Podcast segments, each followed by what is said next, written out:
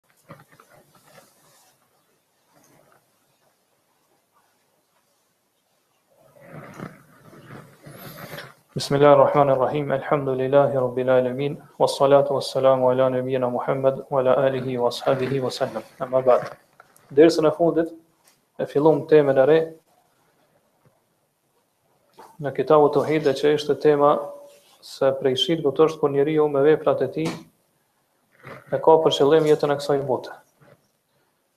Edhe i morëm argumentet, po në dy ajetet që i ka sjell autori të surës Hud si argument për këtë temë. E pastaj autori gjithashtu i shtjellum ato gjendje të njerëzve se si ata me veprat e tyre kanë për qëllim jetën e kësaj bote. Po që thamë janë gjithsej katër gjendje. E në vazhdim autori sjellë një hadith si argument për këtë temë, e që thotë fi sahihi, an Ebi Hurejrete radiallahu anhu kalë, po transmitohet në sahih, po për qëllim është sahihun e Bukhariut, prej Ebu Hurejrës radiallahu anhu, i cili ka thënë, kalë Rasulullahi sallallahu aleyhi wasallam,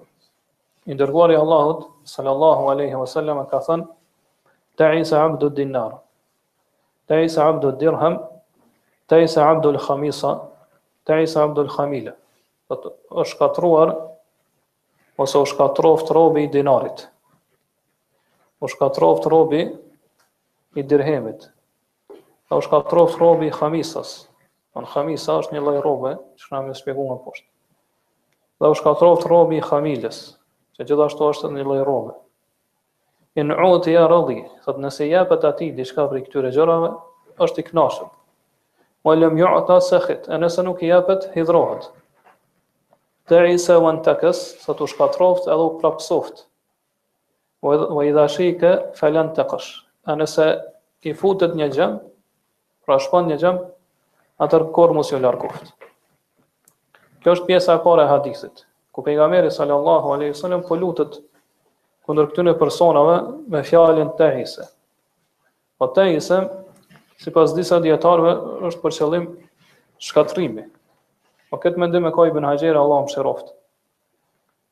Po, mirë po, nëse këthejmë, do thot në origjinën e gjuhës, taise i vjen kur njeriu rrëzohet.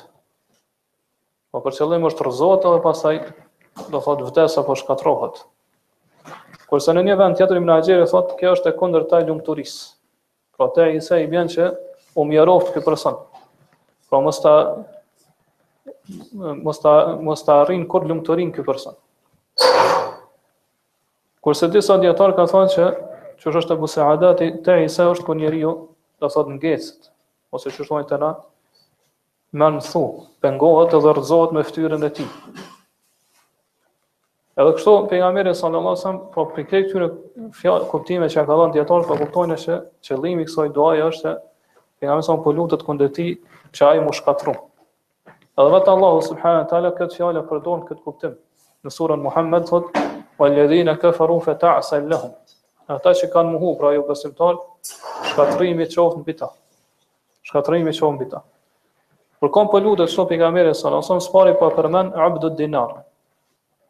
edhe abdu dirham, robin e dinarit, edhe robin e dirhemit.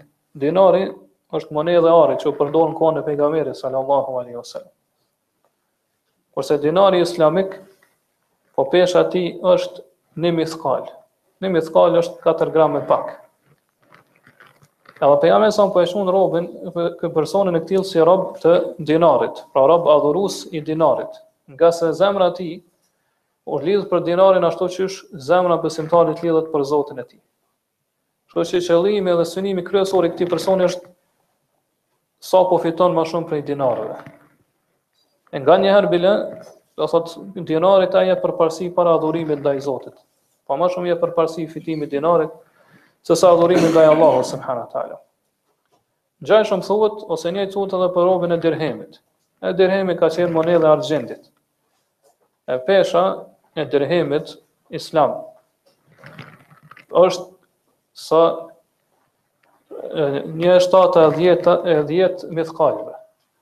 Po qëllimi është nëse i kemi 10 dirhem, atëherë i kemi 7 mithkal. Po qysh thamë, kemi raporti mes dirhemit edhe arit ose dinarit në islam është ky. Qëllimi i autorit me këtë hadith është me na sqaru neve se ka prej njerëzve që e adhurojnë dunjan, pra janë rob të dunjas. Qëllimi është që i përulen edhe i nënshtrohen dunjas me adhurim ashtu qysh njeriu e ka obligim t'i nënshtrohet Allahut subhanahu wa taala. Po qëllimi, synimi kryesor i tina është dunjaja. Kështu që personat e tillë zemërohen, hidhrohen dhe kënaqen për hir të dunjas. Po nëse i vjen dunjaja është i kënaqur. Nëse i ikë, i humb atëherë hidhrohet edhe zemërohet. Për këtë arsye pejgamberi salallahu alejhi ve selem personin e këtillë, i cili është në këtë gjendje po e qun rob të dunjas. Ngase Do thotë ai, tërë mundin e tina, qëllimi kryesor i tina është që me tubu, me grumbullu sa më shumë prej arit edhe argjendit. Po ky punon për dunjan, ngase, do thotë, ne e dim se, kur njeri është rob i dikujna, atëherë, zotria e tij, ngado që e orienton robin e tij, ai drejtohet n'at drejtim. Pra e merr atë drejtim. Pra i bindet urnave të zotërisë tij, ngase është rob skllav i tij. Për këtë arsye edhe pejgamberi salallahu alejhi ve selem po e qun këtë njeri rob të dinarit apo rob të dirhemit apo rob rob të dunjas. Ngase ajo që e vën në lëvizje, ambicien e tij dhe interesimin e tij është dunjaja, dinari dhe dirhemi. Sikur mos t'ishte dinari e dirhemi, ai nuk do të lëvizte. Po, ambicja e tina dhe interesimi i tij është atëherë kur arrin një çështje prej çështjeve të dunjas. Atëherë ky lëviz. Ky është qëllimi kryesor apo synimi parësor i tina.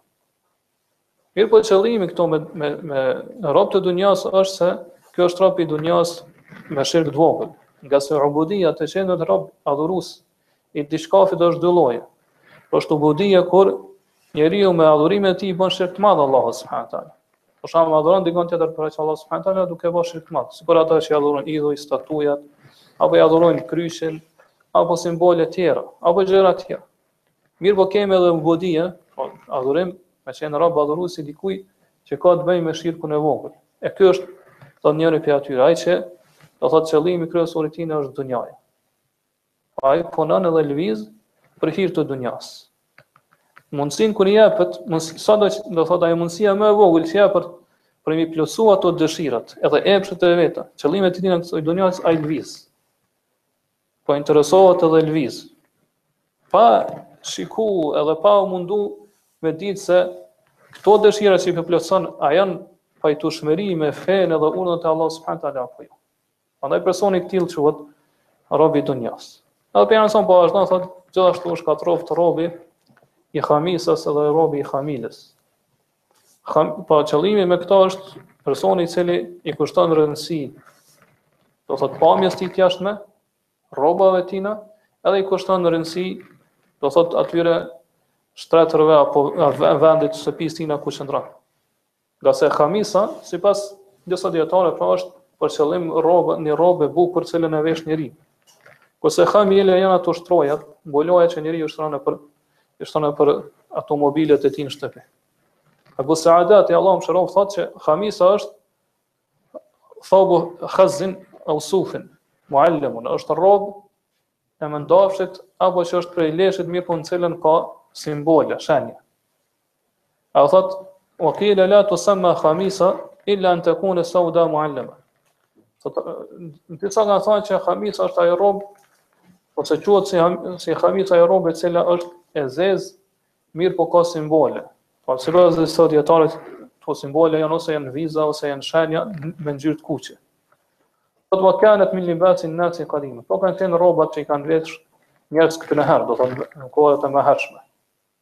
Kurse hamile thot, Abu Saadati për qëllim është kadifja. Po rrobë e cila është si kadife. Po që është prej rrobave të shtrejta. Edhe për qëllim thot, hua thobun lehu khumël. është rrobë e cila do thot anash i ka ato fijet. Po përveç është kadife është edhe me ato fijet që tregon se tregon se është rrobë e shtrejtë. Kurse disa dijetarë thonë që hamile jo, quhen gjitha ato rroba që janë ngjyrë zezë. Mirëpo gjithashtu si hamile që thamë quhen edhe ato shtroja apo mbuloja që njeriu do thot i blen shtrejt me to zbukuron i zbukuron mobilet apo shte, shte, ato shtëpinë e tij. Pra, qëllimi i këtij hadithi është me tregu se ky person do thonë këtë ka qëllim parësor tina, synim parësor tina, këto gjëra. Prandaj edhe pejgamberi sa po e quan si rob tyre, Po përderisa pejgamberi sa sa po e quan këto rob ty, rob të këtyre gjërave, pra adhurues edhe rob të këtyre gjërave.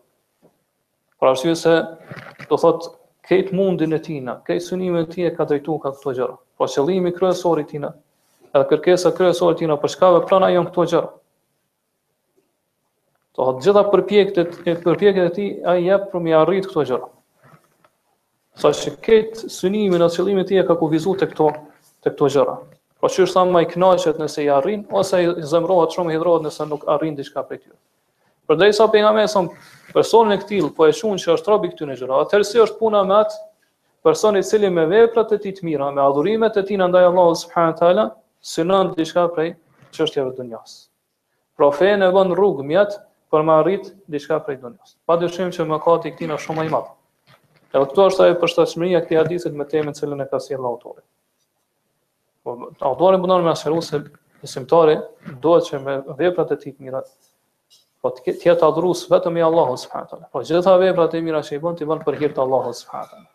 E pastaj pejgamberi sallallahu alajhi wasallam po përmend se cila është shenja e këtyre njerëzve që janë adhurues apo rob të dunjas. Thot in utija radi, nëse jepet diçka prej saj,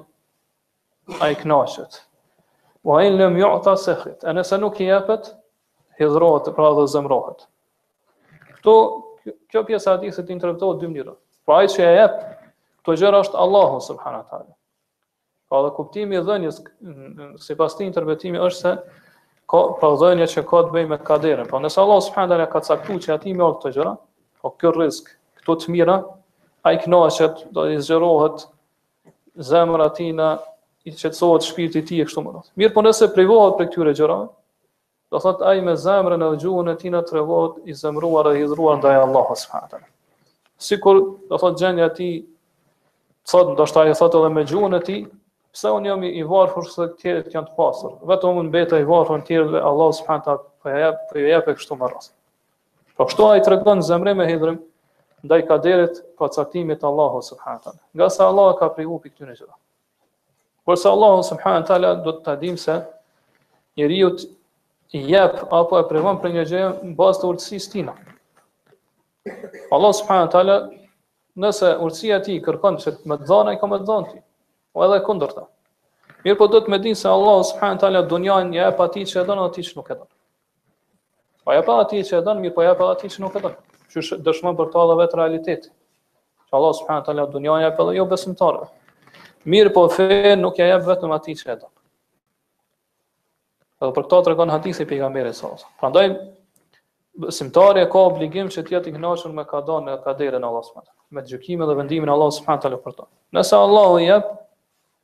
duhet të jetë falënderues, mirënjohës.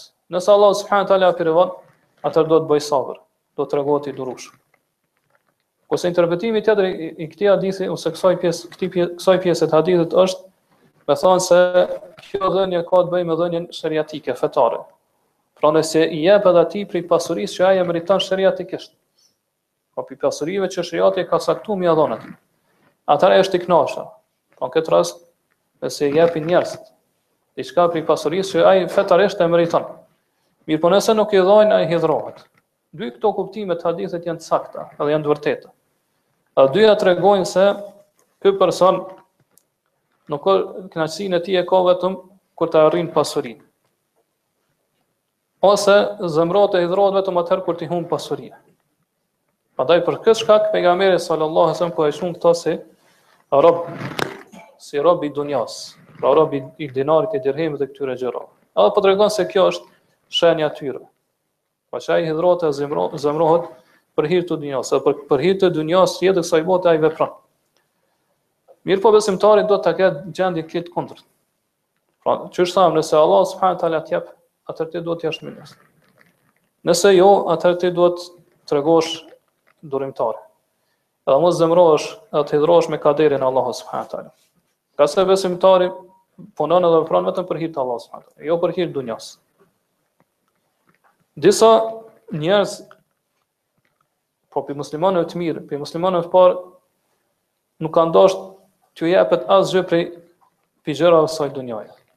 Po disa prej sahabeve, radiallahu anhum, nuk kanë qenë të kënaqur që njerëzit t'u japin diçka prej gjërave të kësaj dunjaje. Madje nuk nuk i kanë kërkuar njerëzve asgjë prej prej gjërave të kësaj dunjaje. Ngase qëllimi i tyre parësor e kryesor ka qenë bota e ardhme. Në këtë mënyrë ata kanë dashtë mi rujtë veprat e tyre të mira, edhe me shpresu shpërblimin vetëm në botën tjetër, po te Allahu subhanahu teala. Po nuk kanë dëshiruar ata që të mirat t'ju përshpejtohen në jetën e kësaj bote. Po kanë dashtë që gjitha të mirat e shpërblimet për veprat e tyre t'ju mbeten në botën e ardhme. Mirëpo, nëse dikush ju ka dhonë diçka, pa e lakmu ata dhe pa e kërku, atër ata e kanë marrë.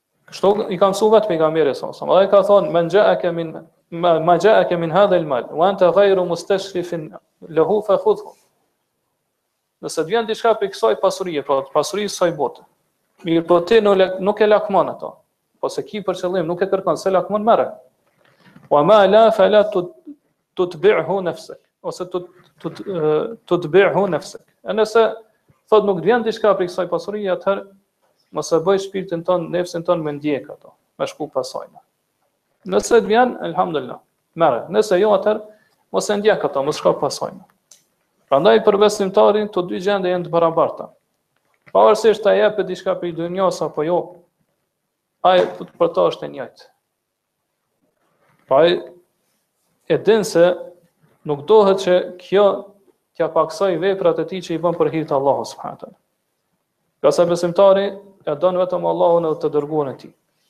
Për këtë arsye na e shohim që vetë pejgamberi sallallahu alaihi wasallam nganjëherë u ka dhënë prej pasurisë së dunjas, po që Allah ja ka dhënë atij gjatë betejave të ndryshme, si plaçkë lufte e kështu me radhë, njerëzve që ma së shumti ndoshta i ka urrejtë.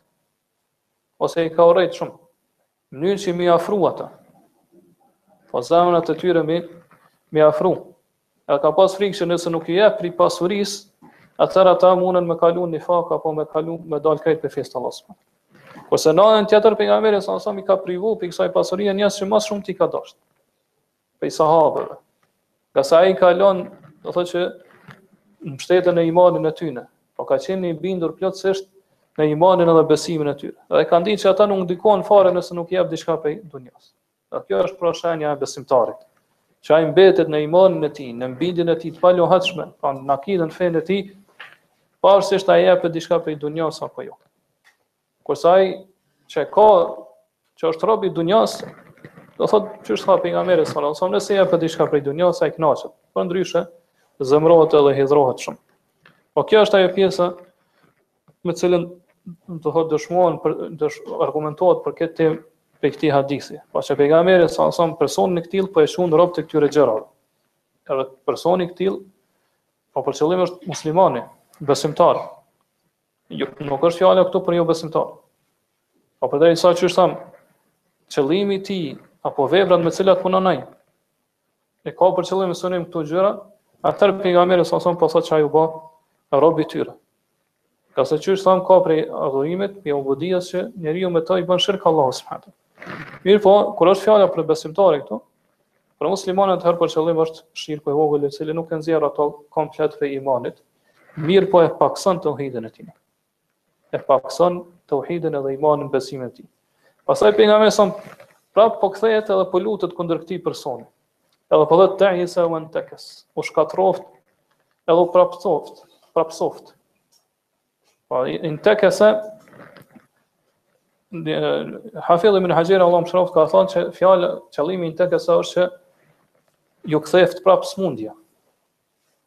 Pra sa herë që ai është afër shërimit, atij i kthehet prapë smundja.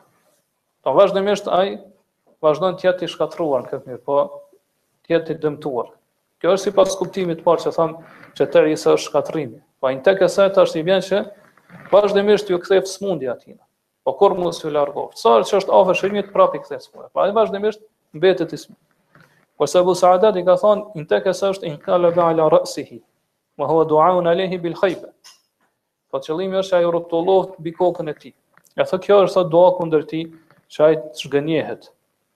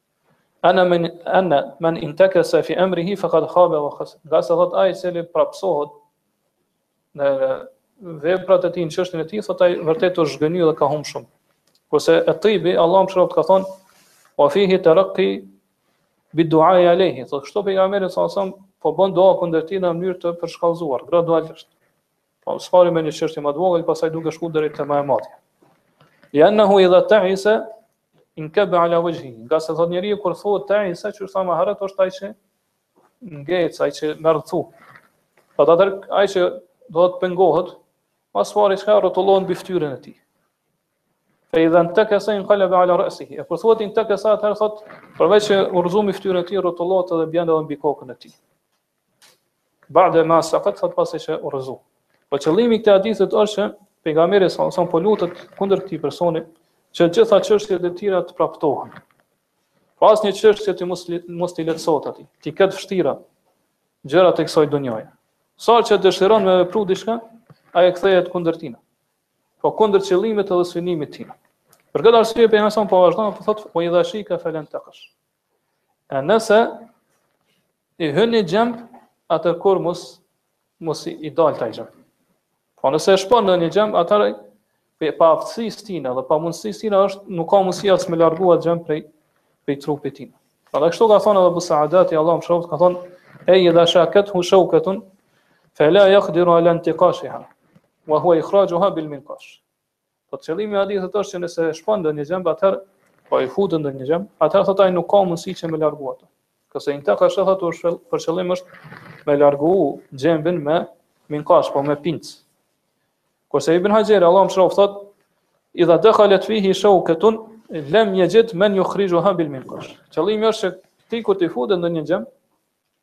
Ata nuk nuk e gjen dikon prej njerëzve që mundet me i ndihmu dhe me ja largu atë gjembin me me pinc. Edhe thot Wa fi du'a alayhi bi dhalika isharatun ila aksi maqsudihi. Thot kur pejgamberi son po lutet me këtë me këtë dua kundër këtij personi, atë këtu po na jep shenjë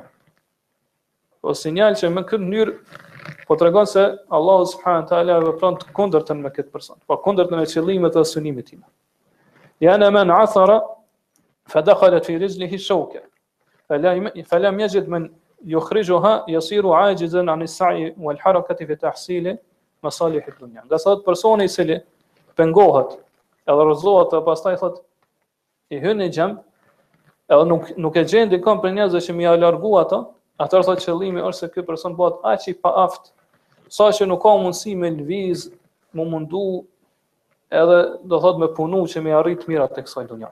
Pra Allah subhanahu wa taala vepron me to me të kundërtën e qëllimit dhe synimit tij. Po si dënim për ta. Po qëllimi i tij ka qenë dunjaja, a nuk ka mundësi do të rregoti paaftë me arrit mirat të kësaj dunjaje.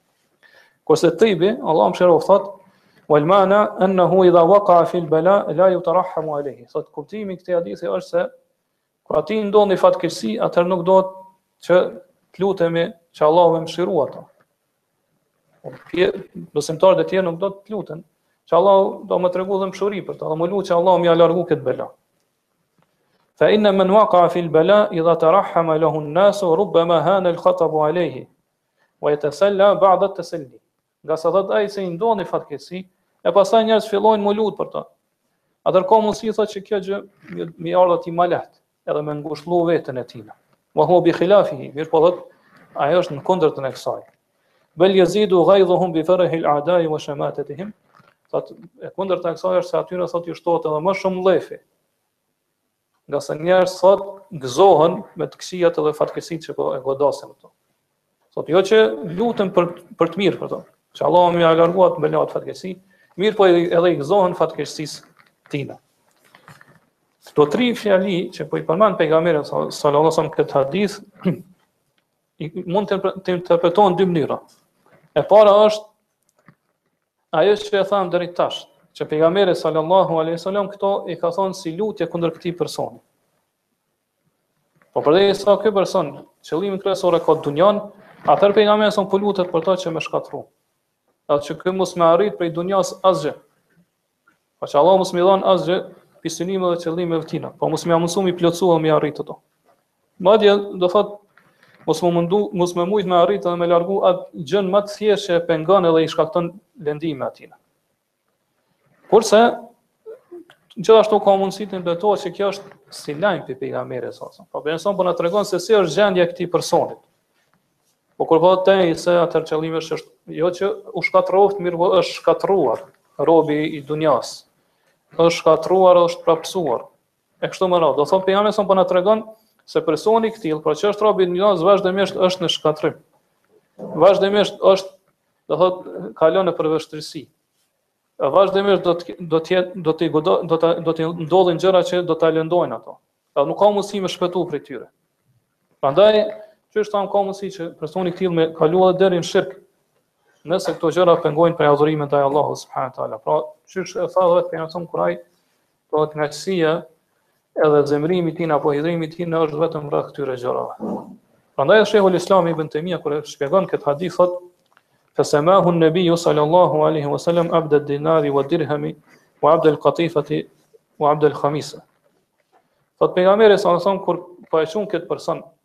si rob dinarit, dirhemit, këtyre rrobave shtrajta që i përmenëm më lartë, wa dhakara fihi wa dhakara fihi ma huwa du'an wa khabar sa që kët hadith po përmend në formë të lutjes dhe në formë të lajmit por edhe çështja në dy mënyra mund të të interpretohet ose po tregon ç'është gjendja e këtij personi ose pejgamberi po lutet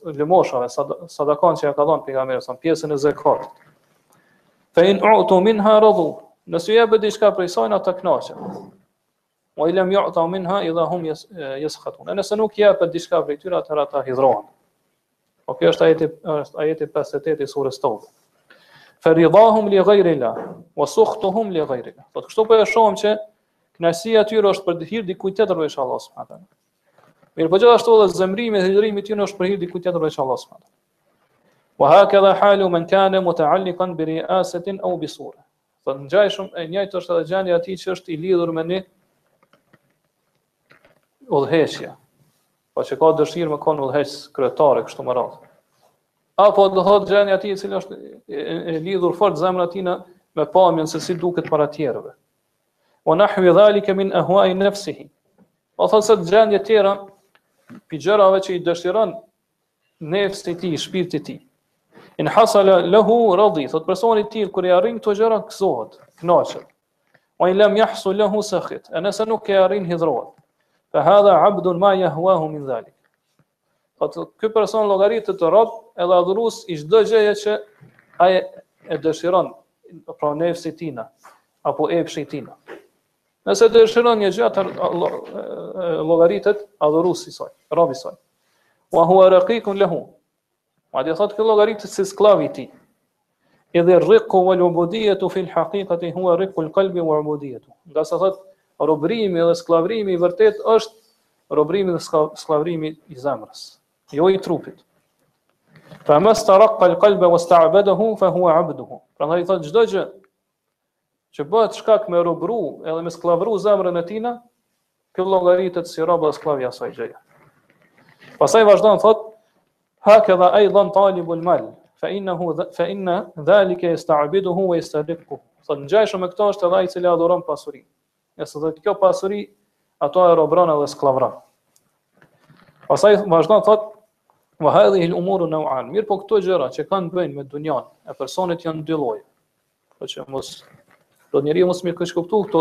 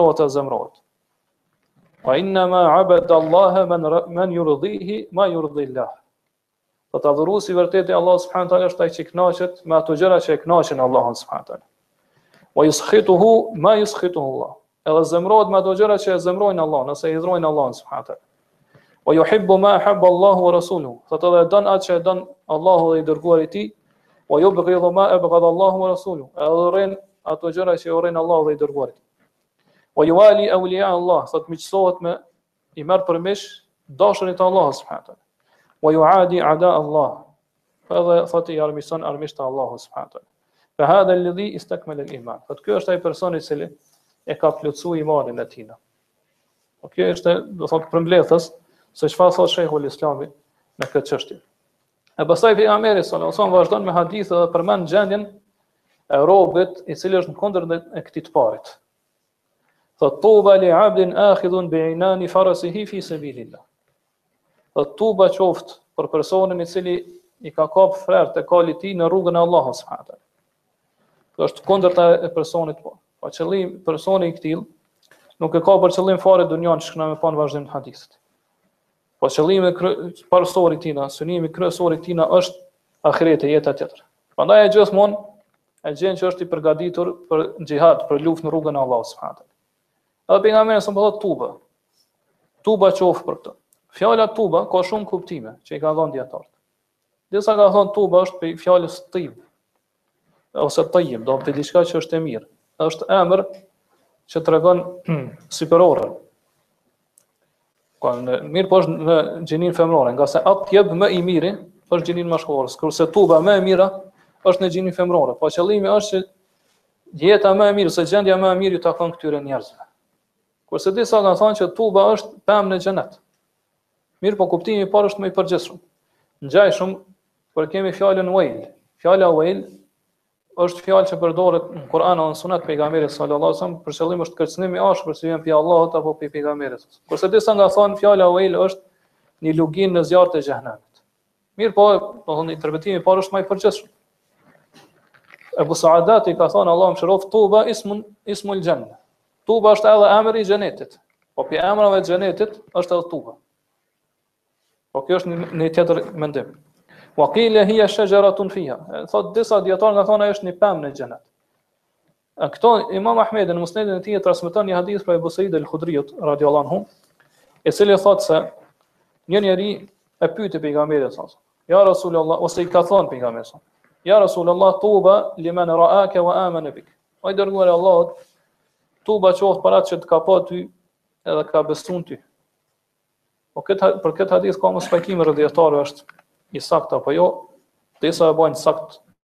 duke u bazu në transmetime tjera, disa dijetarë thonë është i dobët mirëpo gjithsesi kuptimi i tij është i saktë. Atër pejgamberi ka thonë, tuba li men raani wa amene bi. Thot, vërtet, tuba qoftë për atë që më ka pa mu dhe ka besu mu. Më ka besu pasaj. Thumme tuba, thumme tuba, thumme tuba. Pasaj tri herë ka thonë. Pasaj tuba qoft, tuba qoft, tuba qoft. Thot tri herë, Për atë, limen ra'an, limen ra'ani wa amen, limen amene bi wa lem jërani. Për atë i cili, thot, më ka besu mua, e nuk s'më ka pa kurr. Nuk më ka pa kurr. Për këta tri herë është lutë, pejgamberi me fjalën tuba. Kale lehu raxhulun, thot një burr, pastaj i tha, wa ma tuba, e çka është tuba, pejgamber? Thot, shexheratun fil xhenne,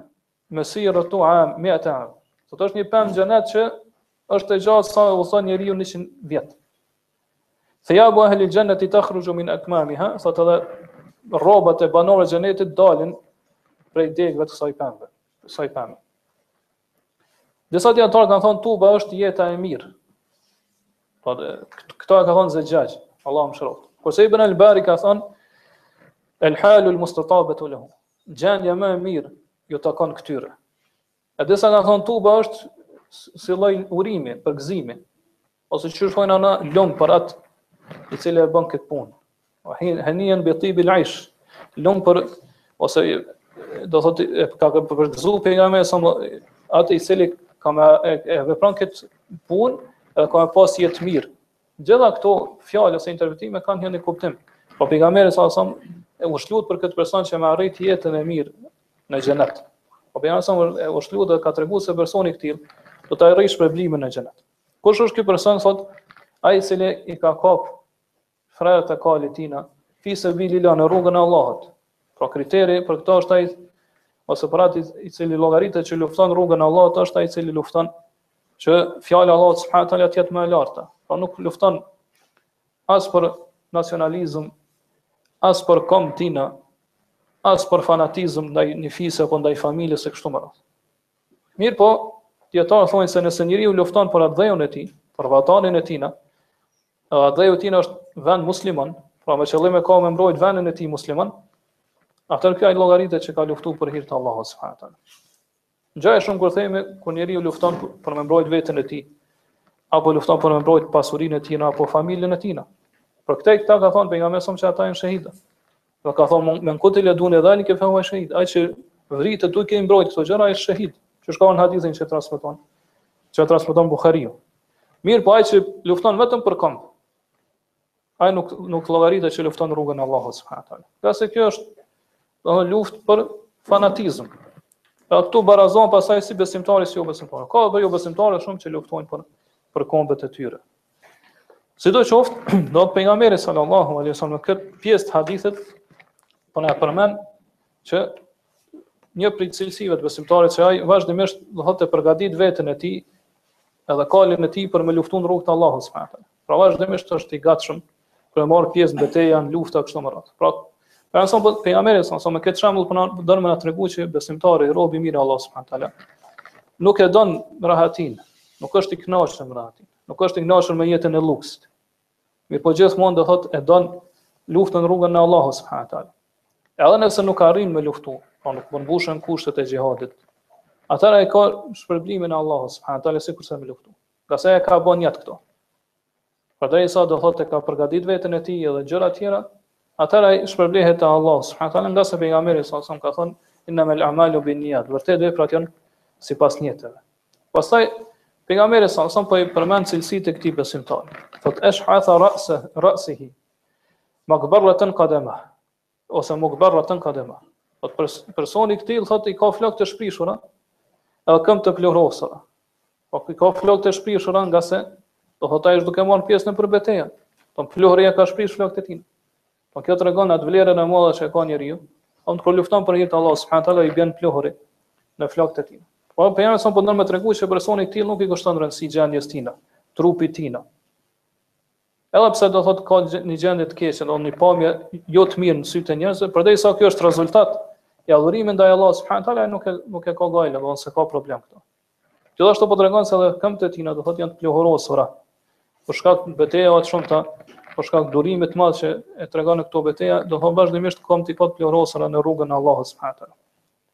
Po kjo çysh tham kjo tregon se gjëja më e rëndësishme për të është lufta në rrugën e Allahut subhanahu teala.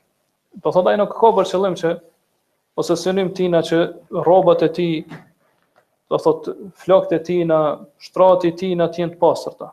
Nuk është ky qëllimi edhe dëshira e tina. Por kjo është cilësia e parë që pejgamberi sa son po e përshkruan robin që ka për qëllim ahiretin, jo dunjan, këtë rob të Allahut subhanahu teala.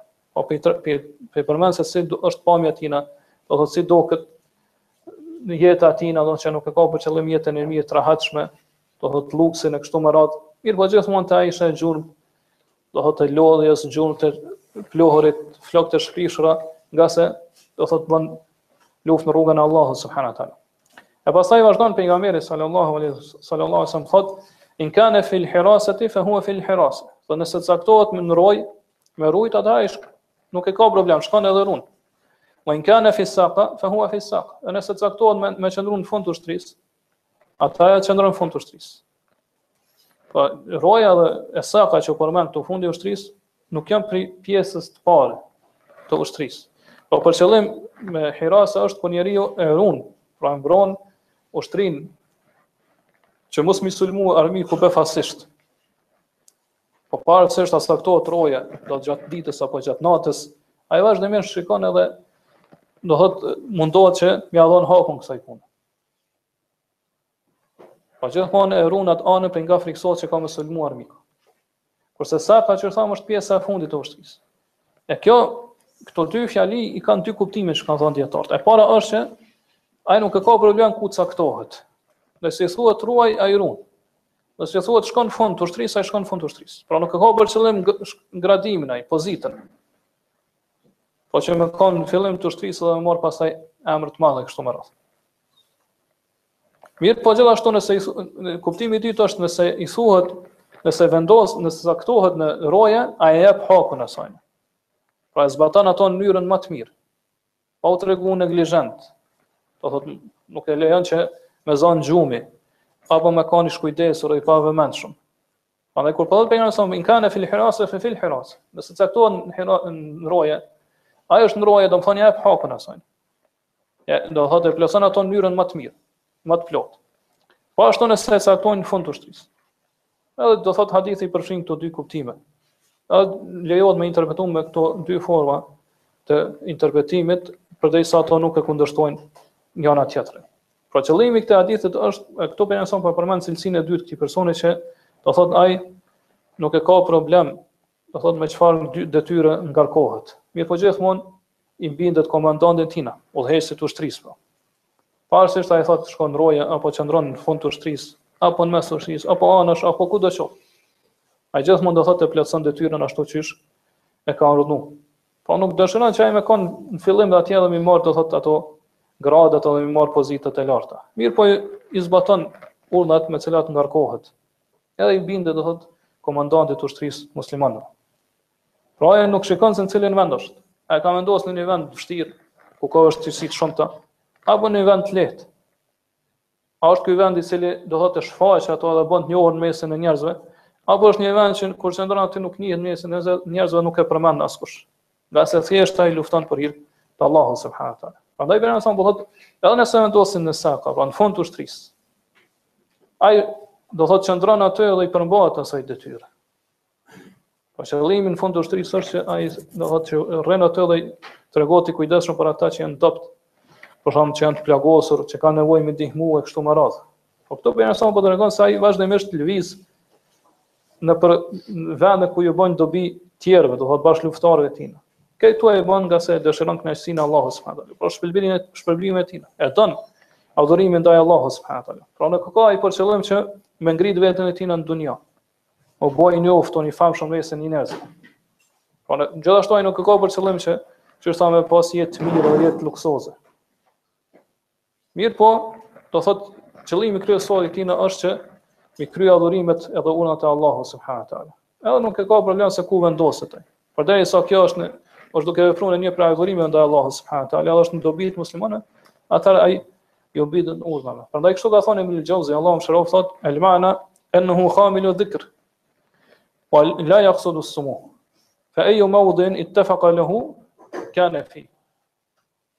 Dhe qëllimi i hadithit është që ai është, do thotë, nuk njihet, nuk përmendet në mesin e njerëzve.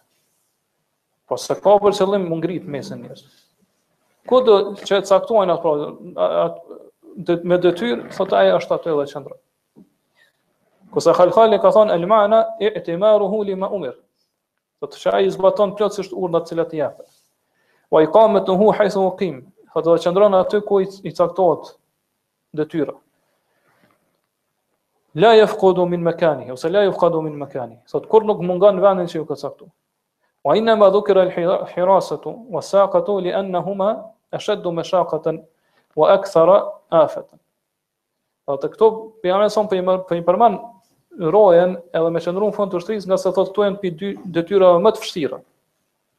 Edhe që ma shumë do thotë njeriu në dëm, e dëmtojnë, pra ka mundësi që do thotë mi, mi shkaktu dëmtime, kështu me radhë. Po edhe këtu kemi, do thotë se në hadith po përmendet se sa vlerë të madhe ka kur njeriu run, run do thotë tjerët në rrugën e Allahu subhanahu taala. Pastaj vazhdon pejgamberi sa sa thot in iste'dhene lem ju'dhen lehu. Nëse ai kërkon leje, nuk i jepet leje. Wa in shafa lam yushafa. E nëse ndërmjetëson për tjerë nuk i pranohet ndërmjetësimi. Po arsyeja për këtë që është thamë se ai nuk ka pozitë, nuk është i njoftun në mesin e njerëzve. Nuk është i famshëm. Saqë s'ai merr leje nuk i jepet leje. Gjithashtu edhe te pushtetarët, te udhëheqësit e kështu me radhë nuk ka kurrfarë pozite. Nëse ndërmjetëson për ta, nuk e pranojnë ndërmjetësimin e tij. Mirëpo personi i këtillë ka pozitë te Allahu subhanahu. Ka vendin në pozitën e lartë të Allahut subhanahu wa taala, ngase ky lufton për hir të Allahut subhanahu wa taala. Pra kjo është qëllimi i këtij hadithi, që personi këtë nuk e ka nuk është qëllimi i tij, nuk e dëshiron që m'u bë i njoftun mesin e njerëzve, m'u ngrit mesin e njerëzve. Që ta me lavdru pasaj. Nuk e don lavdatat edhe do thotë thurjen e lavdatave dhe lavdrimeve për to. Mirëpo gjithmonë është i kujdesshëm që me kanë i mshehtë. Mos me kanë i njoftun i dukshëm mesin e njerëzve. Ngase ky punon për Allahun subhanahu wa taala. Po nuk e ka për qëllim me veprën e tij, me punën e tij dunjan, që pastaj me kërku këta prej njerëzve. Po për faktin se ky është i panjohur mesin e njerëzve, nëse kërkon leje prej tyre, që me hy te ta, ata nuk i japin leje. Për shembull, te udhëheqësit, te kryetarët e kështu me radhë. te mbretërit, te ata që kanë pozita të ndryshme, kur kanë, kur kërkon me leje me hy te ata, nuk i jepet leje, ngase është i panjohur. Mirë dhe për faktin domethënë që ky nuk i viziton ata shpesh që m'u bo i njoftun në sytë e tyne. Po përshini të njësë që me arrit pozitë në sytë e tyne. Mirpo kjo nuk e dëmton fare atë. Edhe pse ky nuk kërkon s'i kërkon ato gjëra s'e dëmton fare. Ngase qysh thon, ky te Allahu subhanahu wa taala është i njohur. Allahu subhanahu wa taala e din se çka vepron ky, edhe din vendin e tij. Pastaj pejgamberi thot, po e pam se thot wa in shafa'a lam yushaffa. Nëse ndërmjetëson nuk i pranohet ndërmjetësimi. Po qëllimi i kësaj është dijetarët i kanë dhënë dy kuptime. Nëse ndërmjetëson nuk i pranohet ndërmjetësimi, është se ky realisht nuk shkon fare te mbretërit ose te udhëheqësit ose te kryetarët e kështu me radhë me ndërmjetësu. Fare nuk i viziton ata. Se nuk ka pozitë te ta dhe nuk dëshiron me i vizitu fare ata. Po nuk e kërkon këtë gjë, që ky m'u bë i njohur në mesin e tyre. Mirëpo, kuptimi tjetër është, siç e thonë dijetarët, nëse detyrohet që me ndërmjetsu te ta, po e shtynë një gjendje, domethënë është një nevojë e madhe, dhe dëshiron me ndërmjetsu për dikon prej muslimanve, për një gjë që e don Allahu dhe i dërguari i tina, pra ky shkon me ndërmjetsu nuk i pranohet ndërmjetsimi. Edhe pejgamberi sallallahu alajhi wasallam ka thënë rubba ash'atha aghbar madfu'in bil abwab law aqsama ala Allah la abarrahu. Ka mundësi që është një person thot me flok shprishura, i pluhurosur, njerëzit ja mbyllin dyert para hundëve tina, para fytyrës tina, po e largojnë prej dyerve tyne, nuk e pranojnë. Mirë po thotë kjo sikur t'i betohej Allahut subhanahu teala për një gjë, Allah do t'ja plotësonte atë lutje atij. Po kjo është personi i cili nuk ka nuk nuk ka kurfar pozitë, do thotë njerëz nuk e njohin ato, pamja e tij është pamje që se pëlqejnë të tjerët. Gjithashtu edhe njerëz nuk kanë kurfar lajme për to se njohin, nuk është i njohur te njerëzit. Për arsye se ai nuk e ka për qëllim dunjë. Nuk e ka për qëllim ata që zotit të dunjas, që me kërku dunjan prej tyre, pasurin e pozitën kështu me radhë. Mirë po kjo është person që ka pozit të lartë te Allah subhanahu ta'ala. Ka se mes tij dhe mes Allah subhanahu ta'ala do thot bën vepra sinqerisht për Allah subhanahu ta'ala. Prandaj pejgamberi sikur këta betohen Allah subhanahu ta'ala. Po çka është qëllimi?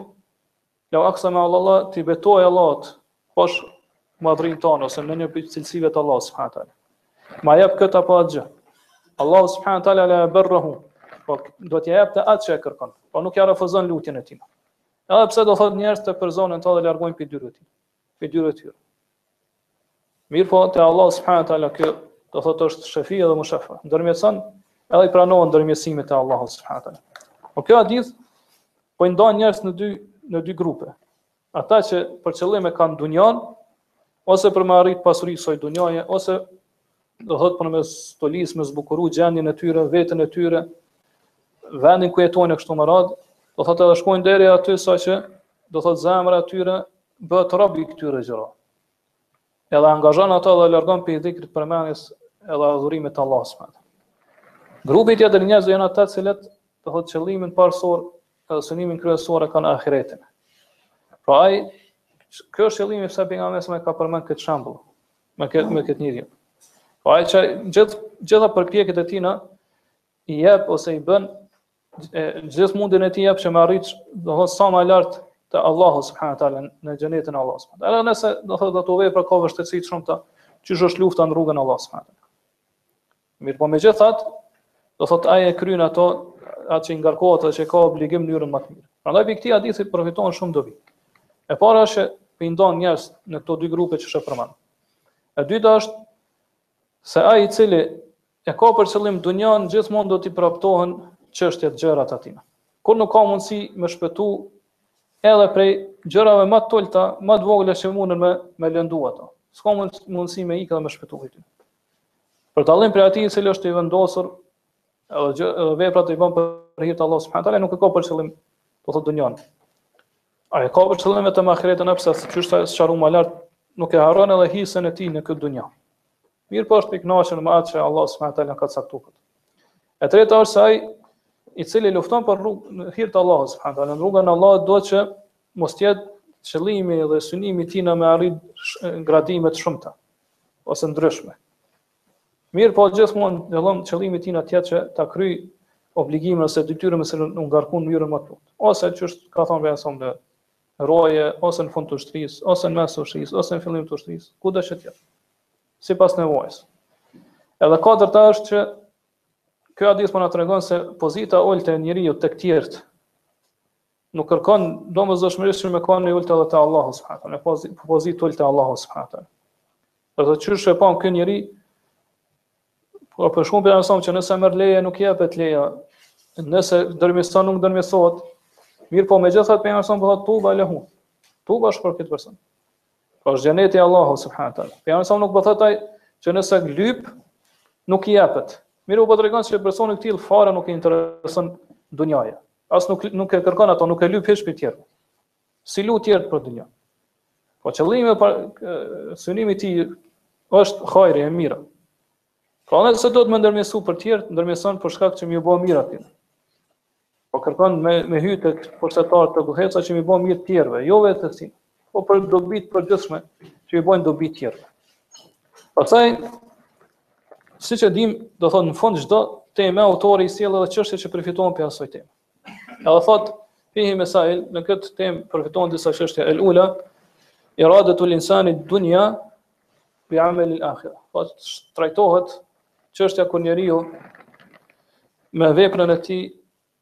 me veprën e ahiretit, pra veprat e mira ka për qëllim dunjan.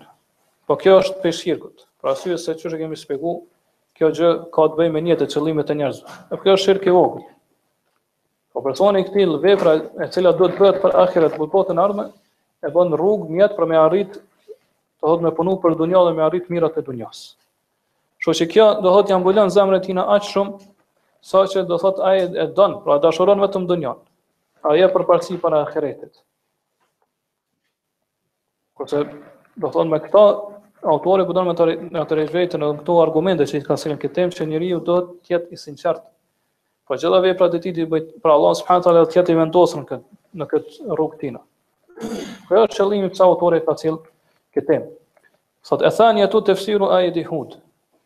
E dytë, çështja e dytë është që komentohet dhe interpretohet ajeti në surën Hud. Më herët kemi përmend që në surën Hud, edhe pse autori ka sjellë një ajet, ne kemi shpjeguar dy ajete. Prej dy ajeteve përfitohet se pra Allah subhanahu wa taala ja jep dunjan disa njerëzve kjo nuk tregon se Allah i don ata, është i kënaqur me ta. Ngase Allah thot nuwaffi ilayhim a'malahum fiha wa hum la yubkhasun.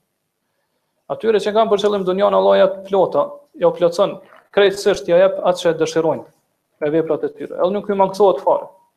Mirëpo në fund të ajetit thot ulaika alladhina laysa lahum fil akhirati illa nar. Këta janë ata që në ahiret do të kenë asgjë tjetër përveç zjarrit. Po kjo është argument se Allah subhanahu teala u ka dhënë këto të mira, mirëpo nuk është i kënaqur me to.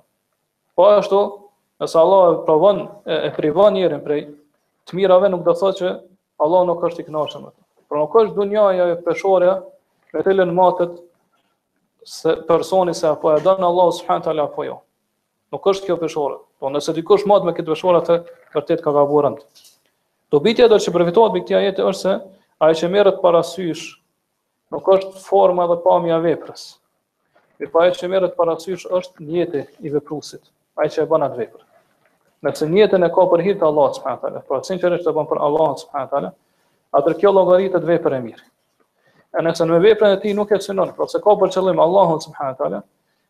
Atëherë edhe pse në pamjen e jashtme kjo është vepër e mirë, ai llogari, ajo nuk është vepër e mirë.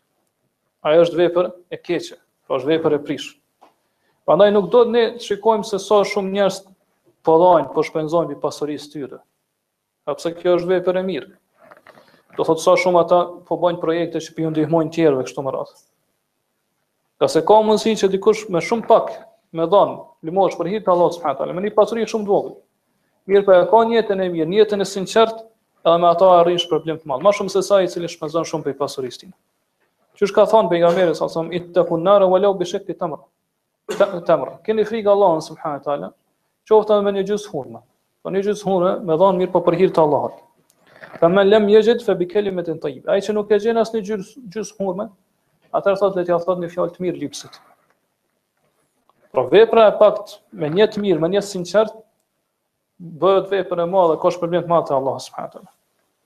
Edhe e kundërta ka mundësi që vepra të jetë e shumtë Pra e madhe, mirëpo dobia e saj të jetë e pak, apo mos të ketë fare, po në origjinë mos të jetë e dobishme fare, varsisht prej nijetit të atij që e bën ato. Për këtë arsye pejgamberi sallallahu alajhi wasallam ka thënë inna Allahe la yanzuru ila suwarikum wa amwalikum. Vërtet Allahu nuk e shikon pamjet e juaja, qysh dokni ju. A jeni të mira, të këqija. Apo do thotë gjithashtu edhe pasurinë e juve, kush është i pasur, kush është i varfër kështu. Wa innama yanzuru ila qulubikum wa a'malikum. Mirëpo s'pari shikon zemrat e juaja edhe veprat e juaja. Pra Allah subhanahu taala shikon zemrat e njerëzve edhe veprat. Ngase veprat e jashtme bazohen në veprat e e mbrendshme, pra në veprat e zemrës. Se në zemër, se çfarë nijeti ki, çfarë qëllimi ki kështu me radhë. Ajo që duhet të merret parasysh, duhet të merret në konsideratë nuk është forma dhe pamja e veprës, sa e madhe është ajo, mirëpo nijeti. Me çfarë nijeti ti po e bën atë vepër? A e bën për hir të Allahut subhanahu wa taala apo për diçka tjetër? Pastaj thotë ath-thalithatu, çështja e tretë, tasmiyatul insani al-muslimi 'abd ad-dinari wa dirhami wal khamisa. Do thotë robin musliman, pejgamberi e përshkrun që është rob, adhurus i dinarit, i dërhemit edhe i khamisës. Po qysh thamë më lart kjo është adhurim që nuk themi që hyn në shirk derisa nuk e arrin kufirin e shirkut. Mirëpo është do thotë adhurim që e mangëson ikhlasin, sinqeritetin. Po është një lloj që e mangëson e është një lloj i shirkut. Arsye se personi i këtillë në zemrën e tina kanë zënë vend dy gjëra. Edhe dashuria ndaj Allahut, edhe dashuria do thot ndaj dunjas. Po muslimani nuk i bën me krejt veprat e tij, me krejt veprat e tij nuk e ka për qëllim dunjan. Mirëpo me disa prej tyre. Ose do thot ai ka s'paku ka pak dashuri për Allahun subhanahu teala. Mirë po, do thotë këto dy dashuri janë të përzime në zemrën e tij. Mirë po thamë që kjo, edhe pse pejgamberi alejhi selam po e quan rob, për arsye se ai me veprat e tij ka për qëllim të mirat, interesat dhe dobitë e kësaj dunjaje, prapë të prapë nuk themi që ai do thotë është bërë ka bërë shirk të madh, mirë po, shirku i tij është shirk i vogël. Po kur është puna që kjo vepër ose kjo gjë t'i atribuohet muslimanit besimtarit që është rob i dinarit e i dirhemit, atëherë për qëllim është shirku i vogël. Varësisht sa e ka këtë shirk, për aq i paksohet teuhidi i tina. Edhe veprat cilat janë përzi me këtë shirk, do thot asgjësohen edhe shkatrohen. Për arsye se do thot ai, me këto vepra ka pas për qëllim diçka tjetër. Rabiatu thot e katërta, tefsiru dhalike. Thot pejgamberi alejhi selam po e komentan këto. Kur njeriu, Llogaritet rob i dunjas, rob i dirhemit e kështu me radhë. Bi ennehu in uti radhi, thotë atëherë kur nëse jepet diçka prej dunjas, ai kënaqet. Do thotë gjen prehje dhe qëtësi shpirtërore. Ue in lem yu'ta sakhit, a nëse nuk merr diçka prej dunjas, por qoftë mbarë se s'ia jep Allahu, apo s'i vjen prej dikujt tjetër, ai zemrohet edhe hidhrohet. Po kjo është ajo shenja që tregon se a është njeriu vërtet rob i këtyre gjërave, adhurues i tyre apo jo. El hamisetu, thot e pesta, kauluhu teise uentekes, thot, kuptohet fjala pejgamberit alejhi selam, ku thot teise uentekes, u shkatrroft, edhe u prapsoft, prapsoft personi i këtillë, këto që e shpjegum ma lartë, es sadisetu, e gjashta, thot, kauluhu idha shike felentekash, e gjashta është, kur, thu, kur pejgamberi alejhi selam ka thonë, edhe nëse i hyn,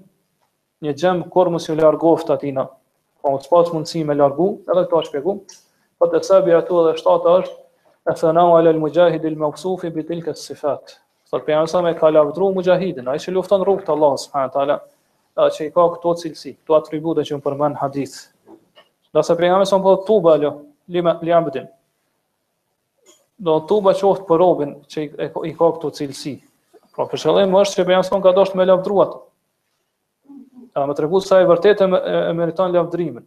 Ai vërtet e meriton xhenetin e Allahut subhanahu teala dhe shpërblimin jetën e mirë në xhenet. Jo ata të cilët do thot kanë pasuri dinare, dirhem, ata të cilët do thot bën jetë luksoze mbështeten, do thot mirë, do thot butë kanë shkallë të larta dhe gradime te njerëzit. Po personi i këtillë e meriton lavdrimin edhe xhenetin e Allahut subhanahu teala. Këtu përfundon kjo temë. E pasaj inshallah në radhë është tema tjetër